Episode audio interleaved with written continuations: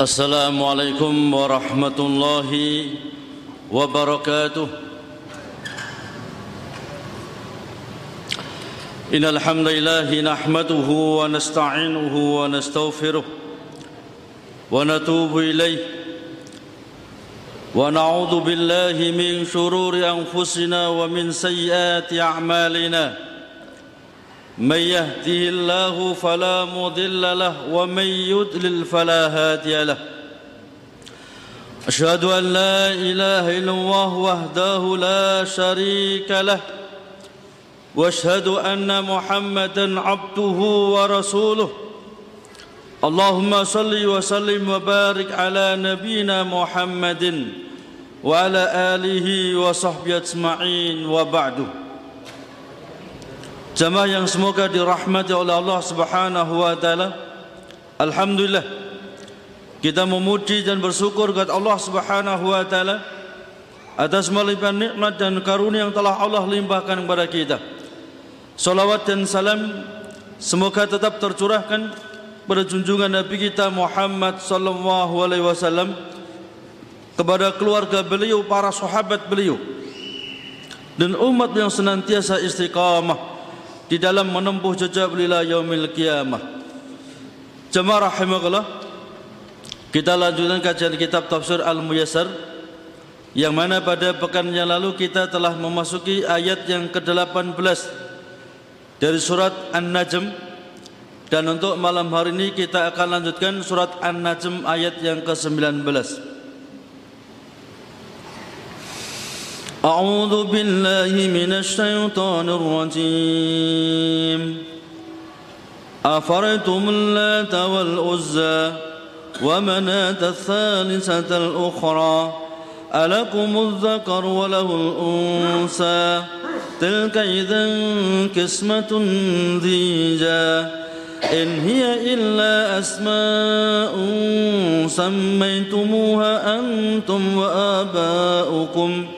ما أنزل الله بها من سلطان إن يتبعون إلا الظن وما تهوى الأنفس ولقد جاءهم من ربهم الهدى أم للإنسان ما تمنى فلله الآخرة والأولى وكم من ملك في السماوات لا تغني شفاءتهم شيئا إلا من بعد أن يأذن الله لمن يشاء ويرضى. إن الذين لا يؤمنون بالآخرة ليس إن الذين لا يؤمنون بالآخرة ليسمون الملائكة تسمية الأنثى وما لهم به من علم. إن يتبعون إلا الظن وإن الظن لا يغني من الحق شيئا. فارد أمن تولى عن ذكرنا ولم يرد إلا الحياة الدنيا. ذلك مبلغ من العلم. إن ربك هو أعلم بمن ضل عن سبيله وهو أعلم بمن اهتدى Allah Subhanahu wa taala berfirman di dalam surat An-Najm ayat yang ke-19 Afaraitumul Lata wal Uzza Apakah Lata dan Uzza itu engkau akan jadikan sebagai tandingan-tandingan bagi Allah Subhanahu wa taala. Jadi Allah memanggil orang-orang musyrik. Wahai orang musyrik, apakah Lata dan Uzza yang akan engkau jadikan tandingan sekutu bagi Allah Subhanahu wa taala? Wa manata salisatal ukhra. Demikian pula manat yang ketiganya yang juga dijadikan sebagai tandingan bagi Allah Subhanahu wa taala. Afraitum ayuhal musyrikun Hadhil alihat allati ta'budunaha Allata wal uzza Wa manata salisat al-ukhra Hal naf'at Aw dharrat Hatta takuna suraka'u lillah Bagaimana pendapat kalian wahai orang-orang musyrik tentang sesembahan-sesembahan yang kalian sembah? Baik itu Lata, Uzza, ataupun manat apakah mereka bisa memberikan manfaat? Apakah mereka bisa memberikan madarat? Sehingga mereka engkau jadikan sebagai sekutu tandingan-tandingan bagi Allah. Berapa banyak orang yang menjadikan sekutu-sekutu bagi Allah? Mungkin kerisnya mungkin akiknya mungkin tali pinggangnya ikat pinggangnya atau yang lainnya. Apakah mereka yang itu dijadikan tandingan tandingan bagi Allah sekutu-sekutu Allah? Apakah mereka bisa memberikan manfaat ya? Atau mereka juga bisa memberikan madarat. Ada saja ikat pinggang itu dibakar pun mereka nggak bisa lari. Nggak bisa menyelamatkan diri. Mereka tidak bisa menyelamatkan diri dari musibah. Bagaimana mungkin dia bisa menyelamatkan dirimu dari musibah? Yang punya akik itu kalau akiknya dipentung dengan palu mestinya hancur. Ada saja akik itu bisa memberikan manfaat sekaligus bisa menolak madarat tentunya dia akan menyelamatkan diri ketika enggak di, dipukul dengan palu. Tapi ternyata ketika dipukul dengan palu juga bengkok juga gepeng. Kalau mereka tidak bisa menyelamatkan diri mereka sendiri bagaimana mereka bisa memberikan keselamatan bagi kalian?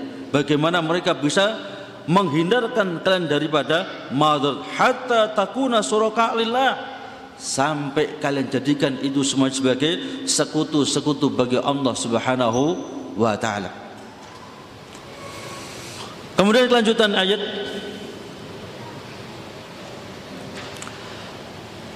Alakumudz dzakar wal unsa. Tilka idzan qismatun dhiza Apakah bagi kalian orang-orang musyrik anak laki-laki Sedangkan bagi Allah anak-anak perempuan Jadi mereka orang-orang musyrik Punya keyakinan, punya prinsip Kalau anak laki-laki itu milik mereka Maka dirawat dengan sebaik-baiknya Dididik dengan sebaik-baiknya. Tapi ketika anak perempuan itu bukan anak mereka Maka langsung ditanam hidup-hidup Dibunuh ya. Karena merasa tidak layak memiliki anak seorang perempuan Sedangkan kemudian kalian ya kalian jadikan perempuan-perempuan itu sebagai anak-anaknya Allah. Tilka idzan qismatun dhiya. Kalau demikian itu pembagian yang tidak adil. Ataj'aluna lakumudz dzakar alladzi tardawnaha tardawnahu wa taj'aluna lillahi bizamikum al unsa allati la tardawnaha li anfusikum Apakah engkau akan menjadikan anak laki-laki yang kalian ridhoi itu ada bagian kalian sedangkan anak perempuan yang kalian tidak ridho itu adalah anak-anaknya Allah Subhanahu wa taala. Subhanallah amma amma yusyrikun. Maksudnya Allah dari apa yang mereka sekutukan. Tilka idan qismatun. Kalau demikian itu pembagian yang sangat curang yang sangat tidak adil.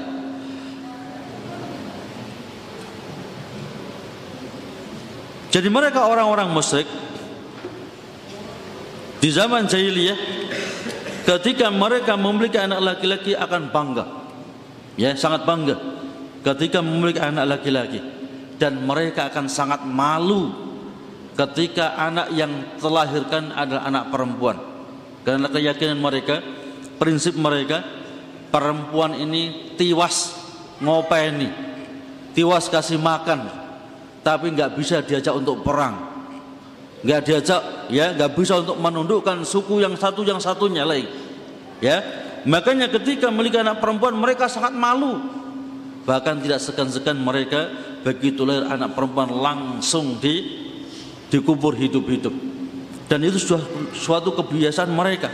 Ketika anak laki-laki bangga senang ya ketika anak perempuan mereka merasa malu. Sehingga nisbahnya kalau anak laki-laki dinisbahkan pada mereka sendiri tapi kalau anak perempuan dinisbahkan kepada Allah. Itu termasuk adalah tilkaidan kismatun tiya itu pembagian yang tidak adil. In hiya illa asma'un samaitumuha antum wa abaukum. In hiya illa asma'un itu tidak lain kecuali nama-nama samaitumuha yang kalian kasih nama.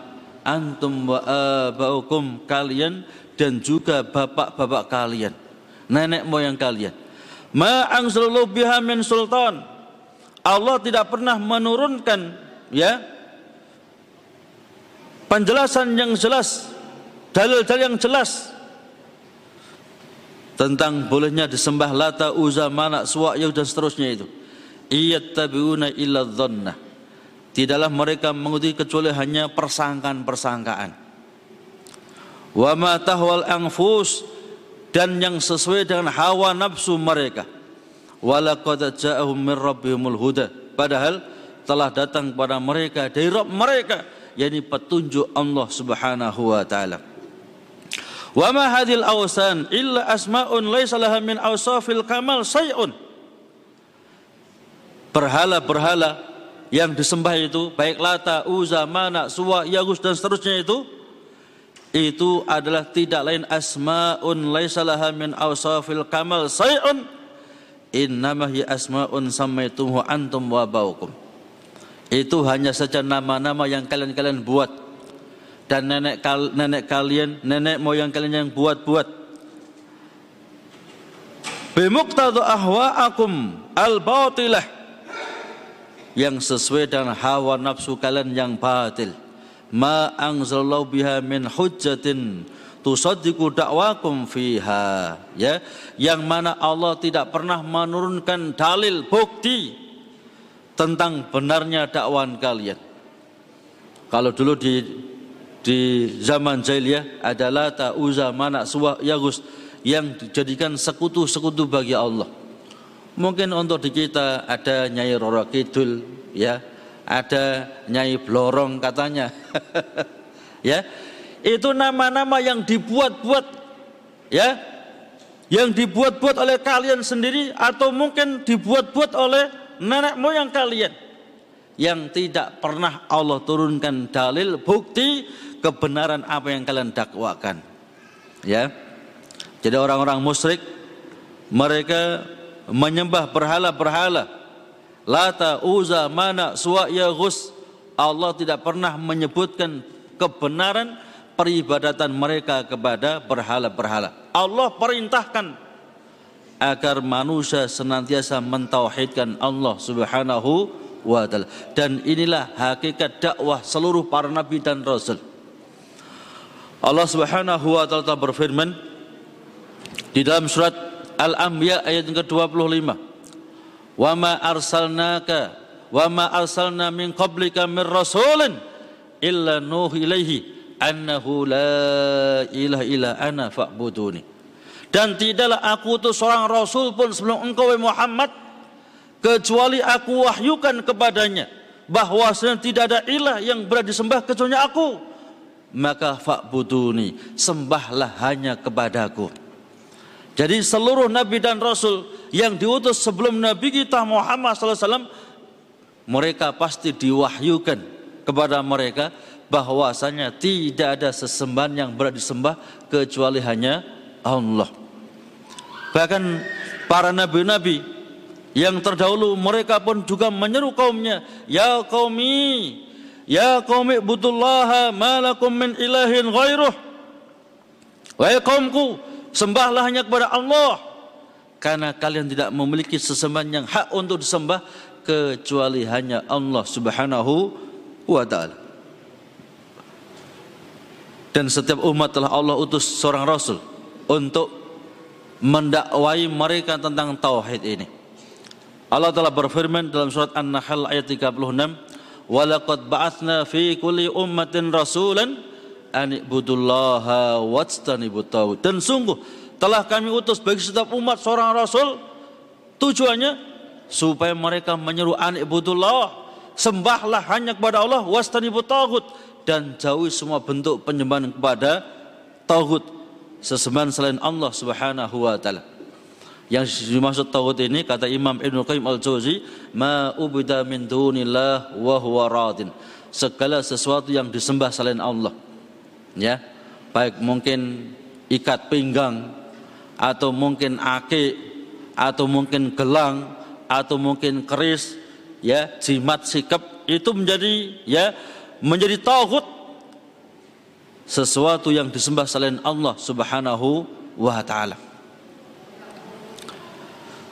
Kemudian ayat yang selanjutnya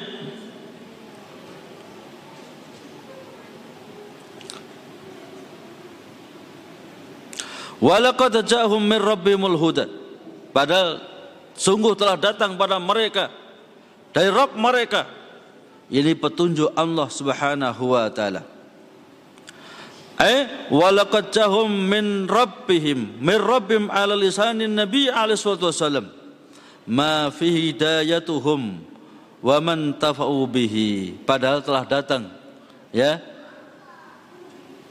dari Allah Subhanahu wa taala petunjuk yang hak lewat lesan nabinya Muhammad sallallahu alaihi wasallam yang itu menjadi hidayah bagi mereka, petunjuk bagi mereka. Tetapi faman tafau bihi, tapi itu tidak memberikan faidah kepada mereka. Artinya, kalau hidayatul bayan mungkin semua orang bisa mendapatkannya. Ya, dakwah yang lurus demikian demikian demikian, manhaj yang lurus demikian demikian, mungkin semua orang bisa ngerti bisa faham. Ya. Cuman hidayatut taufik itu hanya milik Allah Subhanahu wa taala. Jadi kalau hidayatul bayan, penjelasan ini benar, ini salah, ini hak, ini batil, ini pahala, ini dosa. Mungkin semua orang bisa mendapatkannya. Ya, tapi hidayatut taufik itu hanya hak milik Allah Subhanahu wa taala. Sehingga Allah berfirman, ya, di dalam Al-Qur'anul Karim bahwasanya innaka la tahdi man ahbabta walakinnallaha yahdi man yasha. Wahai Muhammad, engkau tidak akan bisa memberikan petunjuk kepada orang yang engkau cintai. Bahkan paman Nabi sendiri, orang yang sangat dicintai Nabi. Orang yang sangat dekat dengan Nabi. Nabi nggak bisa memberikan hidayah Nabi hanya mengajak, memberikan hidayah itu bayan, menjelaskan ini yang benar, yang salah, ini yang hak, ini yang batil. Adapun hidayah itu taufik, nerima atau tidak itu terserah Allah Subhanahu wa taala. Maka Allah firmankan, "Innaka la tahdi man ahbabta." Engkau tidak bisa memberikan petunjuk pada orang yang engkau cintai Muhammad. Ya, Walakin Allah yahdi man yasha. Tapi Allah memberikan petunjuk bagi hamba-hamba Allah yang Allah kehendaki. Jadi mungkin walaupun rumahnya dekat masjid, kalau dia nggak dapat hidayah Allah, ya kupingnya dengar kupingnya. Ada suara adzan Allahu Akbar, Allahu Akbar, itu kan hidayatul bayan itu. Dia dengar dia, taklim dia dengar dia, itu hidayatul bayan tapi dia datang atau tidak, mau menerima panggilan atau tidak, berangkat ke masjid atau tidak, itu terserah Allah hidayatut taufik. Maka harus banyak minta, berdoa kepada Allah, ya. Banyak meminta kepada Allah, ya muqallibal qulub, sabbit qalbi ala tidik, ya waidat yang membolak-balikkan hati, kokohkan hati kami untuk senantiasa lurus di dalam agamamu. Karena mungkin ya kadang-kadang kita semangat untuk taklim, setelah nikah jarang kelihatan sudah. Ya. Satu tahun sekali itu kadang-kadang kelihatan, kadang-kadang enggak. Padahal waktu masih bujangan luar biasa. Kajian pagi ada, pagian siang, kajian siang ada, kajian sore ada, malam ada. Setiap ada kajian mesti kelihatan dia itu. Setelah nikah, masya Allah, belum tentu satu satu bulan sekali kelihatan. Alhamdulillah masih kelihatan sebulan sekali itu. Kadang-kadang setahun nggak kelihatan sama sekali. Ya. Jadi Anda nasihatkan nikah itu untuk menambah keimanan kepada Allah. Nikah itu untuk menambah pahala di sisi Allah, bukan malah semakin menjauhkan diri kita kepada Allah. Salah itu. Ya. Jadi siapkan diri sebelum menikah. Karena ini saya semacam ini karena sering terjadi. Waktu masih bujangan luar biasa. Begitu nikah Ya, punya anak satu sudah. Ya, satu tahun sekali baru kelihatan. Punya anak dua nggak pernah kelihatan sudah. Entah di mana, di telan bumi mungkin. Ya. Jadi apa itu minta terus hidayah kepada Allah Subhanahu Jangan males. Ya, setiap saat kita minta, ya muqallibal qulub, sabit qalbi ala dinik.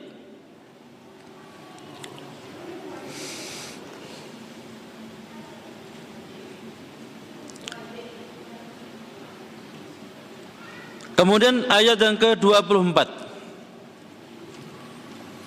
Amlil insani ma tamanna. Apakah manusia itu akan mendapatkan semua yang dia inginkan?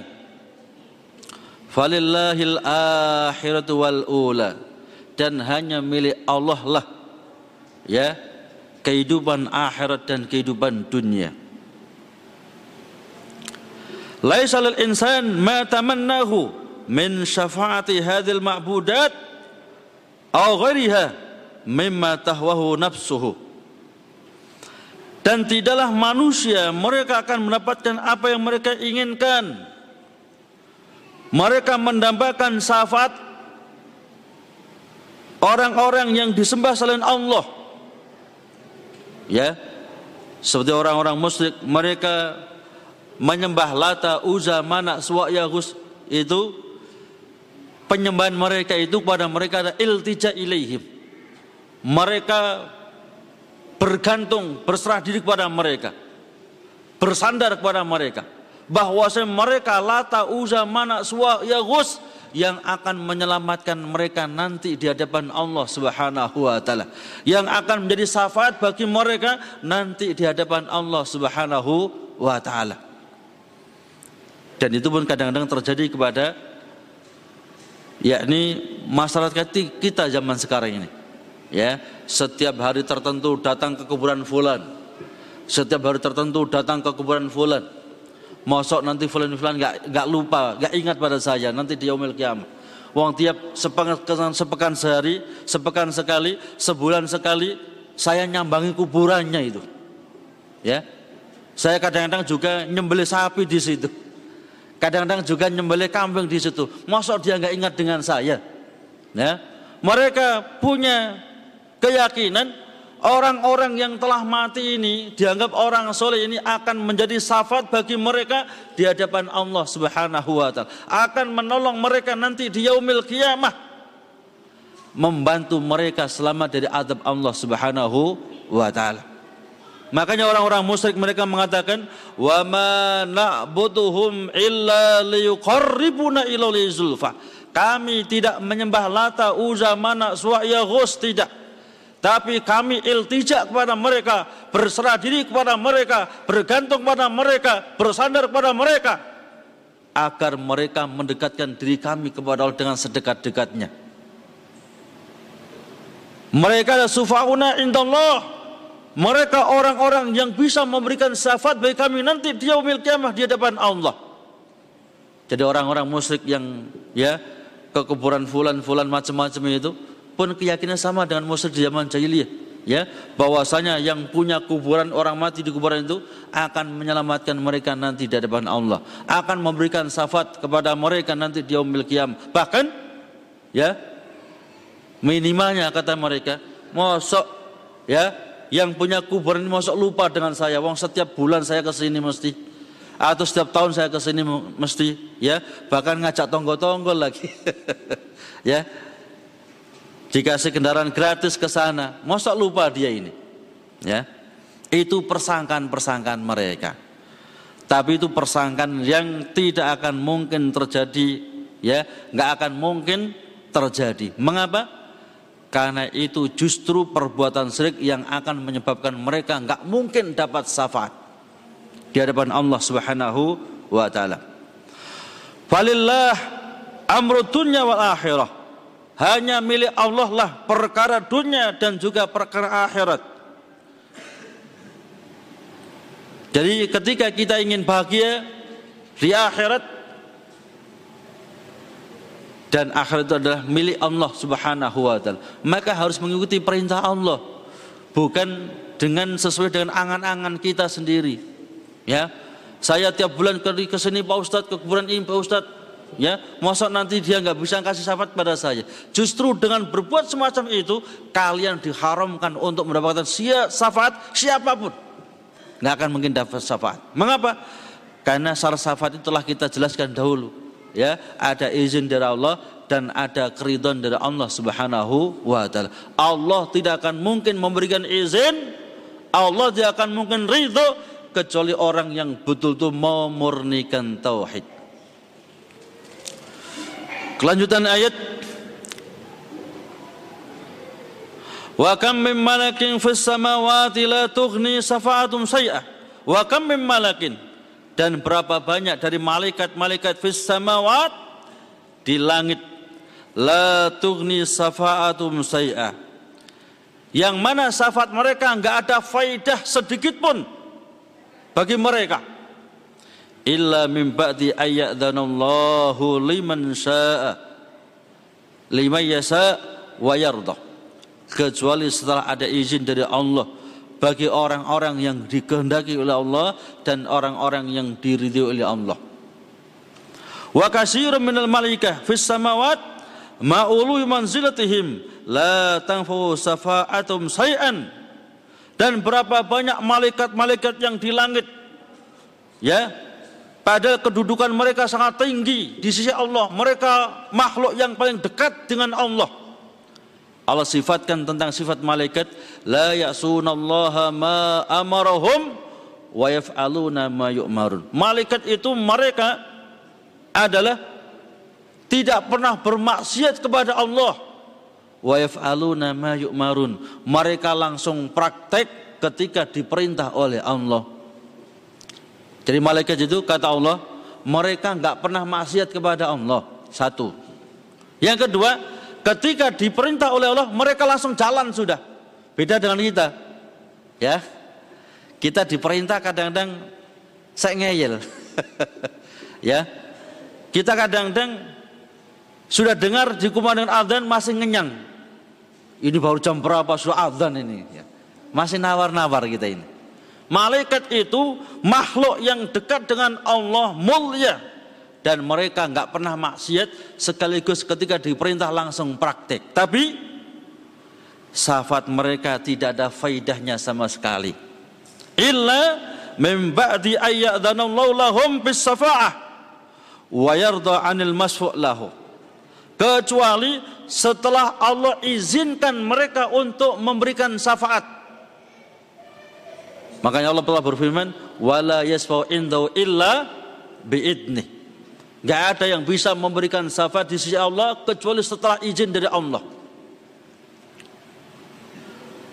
Wala yaswa'indu illa dan Allah tidak akan mengizinkan dan tidaklah orang itu mereka itu bisa memberikan syafaat atau menerima syafaat kecuali setelah ada ridho dari Allah.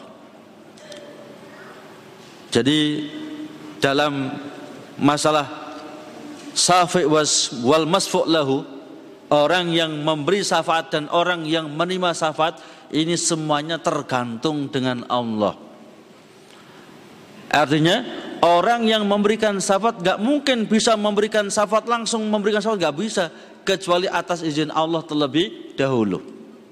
Yang kedua dan orang yang akan menerima syafaat ini pun juga harus orang yang diridhoi oleh Allah dan Allah tidak mungkin ridho kecuali hamba-hamba Allah yang mentauhidkan Allah.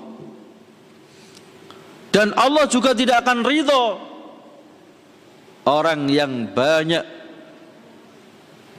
membuat tuntunan syariat di luar syariat Allah dan Rasulnya Muhammad sallallahu alaihi wasallam. Maka cara kita untuk bisa mendapatkan syafaat termasuk syafaat Nabi kita Muhammad sallallahu alaihi wasallam yang pertama adalah mentauhidkan Allah. Dimurnikan tauhidnya. Diluruskan akidahnya. Dimurnikan ya keyakinannya. Tidak bertawakal, tidak berserah diri dan juga tidak bergantung kecuali hanya kepada Allah. Jauh dari jimat, sikap, ya dan macam-macam itu ya. Walaupun dia mungkin masih ada keturunan Nabi kita Muhammad SAW ketika dia hari-harinya pakai jimat sikap ya pakai sesaji tumbal maka dia nggak mungkin dapat syafaat Nabi walaupun mungkin dari keturunan Nabi. Insya paham Karena syarat syarat mutlak orang bisa mendapatkan syafaat itu harus ada izin dari Allah dan Allah nggak mungkin mengizinkan kecuali hamba-hamba Allah yang mentauhidkannya. Makanya Allah Subhanahu wa taala berfirman di dalam Al-Qur'anul Karim Faman kana yarju liqa'a rabbih Surat apa itu? Surat Al-Kahfi ayat berapa? 110 ya. Allah berfirman dalam surat Al-Kahfi ayat 110, "Faman kana yarju liqa'a rabbih falyamal amalan saliha wa la yusyrik bi ibadati rabbih ahada." Maka barang siapa yang ingin berjumpa dengan Allah dalam keadaan diridhai oleh Allah, dirahmati oleh Allah, maka yang pertama fal ya'mal amalan salihah. Hendaklah dia beramal yang salih dama amal itu tidak mungkin soleh kecuali menyontoh meniru ya ibadah yang telah dicontohkan Nabi kita Muhammad sallallahu alaihi wasallam. Wala yusrik bi ibadati rabbi ahada. Dan jangan sekali-kali berbuat syirik dalam ibadah kepada Allah Subhanahu wa taala. Jadi syaratnya dua. Agar kita diridhai oleh Allah artinya akan mendapatkan syafaat Nabi nanti ya. Akan dimasukkan ke dalam surganya. Yang pertama kita mentauhidkan Allah. Yang kedua ibadah sesuai petunjuk Nabi kita Muhammad sallallahu alaihi wasallam. Dan jangan grogi ketika ya ditanya tentang ibadah-ibadah yang nggak ada contohnya itu nggak kita nggak tahu itu alhamdulillah sudah. Ya sebutkan ya salawat burdah. Ya kita nggak ngerti salawat burdah ya Masuk nggak tahu? Ya nggak tahu, memang bukan ajaran Nabi. Bagaimana kita bisa mungkin tahu? Ya, sebutkan ya solawat fatih. Ya nggak ngerti. Nabi nggak pernah ngajarkan solawat fatih kok. Ya, kadang-kadang kan kita merasa grogi kalau ditanya ya tentang hal-hal yang umum di masyarakat, tapi nggak ada ajaran dari Nabi. Solawat fatih, solawat nariyah, solawat burdah, ya, dan masih lagi ya sholat basisia masih banyak sholawat lagi. Ya karena jumlahnya itu hampir sekitar 500an ya dalam kitab Dalailul Khairat itu sekitar 500 sholawat. Ya cuman hukumnya haram untuk antum baca. Ya hukumnya haram. Mengapa? Rata-rata berbau syirik. Ya sholawat nariyah apa syirik? Syirik. Ya sholawat Burdah sama, semuanya itu berbau syirik. Mengapa? Yang nulis orang yang gak paham masalah tauhid. Ya, jadi yang nulis itu orang sufi ortodok gitu. Yang kadang-kadang di antara mereka memiliki keyakinan, wih datul wujud manunggaling kaulolan Gusti. Lah, kitab yang nulis mereka masuk kita mau pelajari. Ya, kecuali untuk membantah kesesatannya, maka boleh. Innal ladzina la yu'minuna bil akhirah Sesungguhnya orang-orang yang tidak beriman kepada yaumil akhirah la yusammunal malaikata tasmiyatal unsa. Sungguh mereka memberikan nama malaikat-malaikat dengan nama-nama wanita. Jadi mereka orang-orang musyrik itu punya keyakinan kalau malaikat itu perempuan. Makanya mereka punya keyakinan anak-anak Allah itu perempuan sedangkan anak mereka laki-laki. Ya. Jadi orang-orang yang tidak beriman tentang yaumil akhirah mereka menjadikan malaikat-malaikat itu sebagai perempuan. Innal la yusaddiquna bil hayatil akhirah min kufaril Arab wa ya'maluna laha la yusammuna al malaikata tasmiyatal inas. Sesungguhnya orang-orang yang mereka tidak mengimani tentang adanya kehidupan akhirat dari orang-orang kafir Arab dan selain mereka. Sungguh mereka memberikan nama malaikat-malaikat dengan penamaan wanita-wanita. Li'tiqadihim jahlan annal malaikata inasun. Karena keyakinan mereka yang bodoh bahwa saya malaikat itu perempuan. Ya, jadi malaikat-malaikat itu yang banyak itu disebut perempuan. Makanya dulu di Jakarta ada wanita yang ngaku malaikat Jibril. Ya punya, mungkin punya keyakinan semacam ini ya. Anehnya banyak orang yang yakin. Saya baru sekarang dengar itu kalau malaikat itu dari laki dari perempuan baru sekarang ini.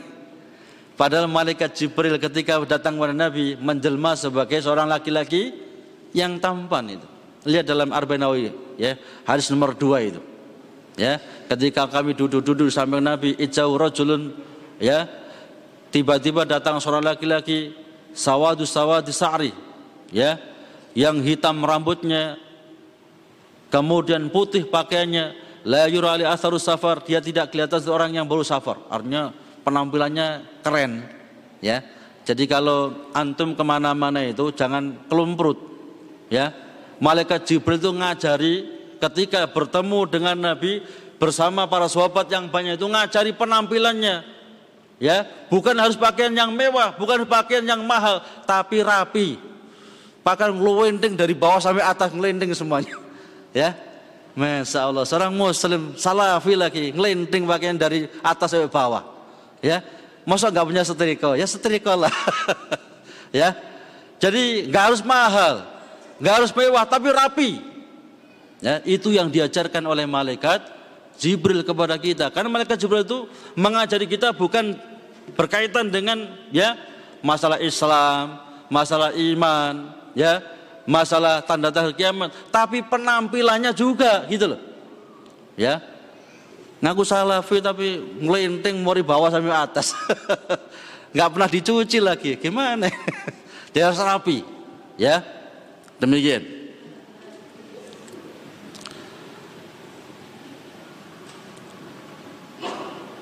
Wa anum banatullah. Mereka punya keyakinan malaikat-malaikat itu anak-anak perempuan Allah. Wa ma lahum bidzalika min ilmin sahihin yusaddiqu ma qaluhu. Ya. Dan mereka keyakinan mereka ini tidak didukung dengan ilmu yang sahih yang membenarkan persangkaan mereka. Itu hanya persangkaan-persangkaan mereka. Dengan tanpa ilmu dan penjani dan dengan tanpa ilmu dan bayan kelanjutan ayat.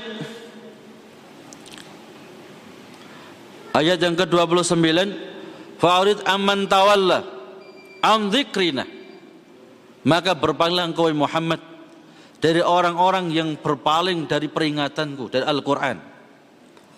Walam yurid illal hayatad dunya. Dan mereka tidak menghendaki menginginkan kecuali kehidupan dunia. Dzalika mablum minal ilm itulah puncak dari keilmuan mereka jadi orang-orang yang non muslim, orang kafir itu mulai belajar dari KB, TK, SD, SMP, SMU, perguruan tinggi yang diangan-angan karena masalah masalah dunia, nggak lebih daripada itu. Berbeda dengan muslim. Muslim itu belajar, belajar dan belajar ya. Yang paling utama masalah akhirat. Dunia katut sendiri nanti. Yang penting nggak males. Ya, Pak Ustadz katanya dunia katut sendiri, tapi hanya tidur-tidur ya, hanya ngiler itu. Ya, harus rajin. Ya, taklim rajin, ibadah tekun, kerja semangat, gitu. Ya. Kadang-kadang ada yang wadul, Ustaz, saya ini mau taklim mesti istri gandol Ustaz, nggak boleh taklim. Mungkin antum males kalau kerja itu. Makanya kalau taklim istri nggak boleh, ya. Tapi buktikan antum semangat kerja, kalau taklim istri pasti ayo mas monggo mas taklim mas. Didukung. Jadi apa itu? Kalau kerjanya semangat insya Allah ketika suami mau taklim itu didukung oleh istrinya. Oh sejak suami saya taklim luar biasa kerjanya semangat ibadahnya semangat akhlaknya baik. Kan malah dukung itu. Tapi berapa banyak ketika suami mau taklim di ya digandoli istrinya mengapa karena kadang-kadang taklim malah membuat kita malas, nggak mau kerja, nggak mau aktivitas yang lain. Ya, jadi apa itu waktu ibadah ibadah yang semangat, waktu taklim taklim yang semangat, waktu kerja juga semangat. Ya, jadi insya Allah istri antum akan mendukung kalau mau kajian. Ya, karena sering wadul ke saya itu, Ustaz gimana gini? Ya, loh kalau antum cari lagi, wanita lagi, ya pancet semacam itu. Kalau antum nggak berubah, bagaimana caranya? Kerja yang semangat, ibadah yang kuat, ya taklim yang juga semangat. Itu yang bagus. Sehingga istri itu dukung terus dengan kegiatan kita. Karena kegiatan yang yang positif bukan yang yang aneh-aneh. Jamaah rahimakallah waktu telah habis ya. Mudah-mudahan bagi kita kaji pada malam hari ini memberikan tambahan ilmu dan wawasan ilmu kita semuanya kita tutup dengan doa kafaratul majlis. Subhanallah. Asyhadu an la ilaha illa anta astaghfiruka wa atubu ilaik. Assalamualaikum warahmatullahi wabarakatuh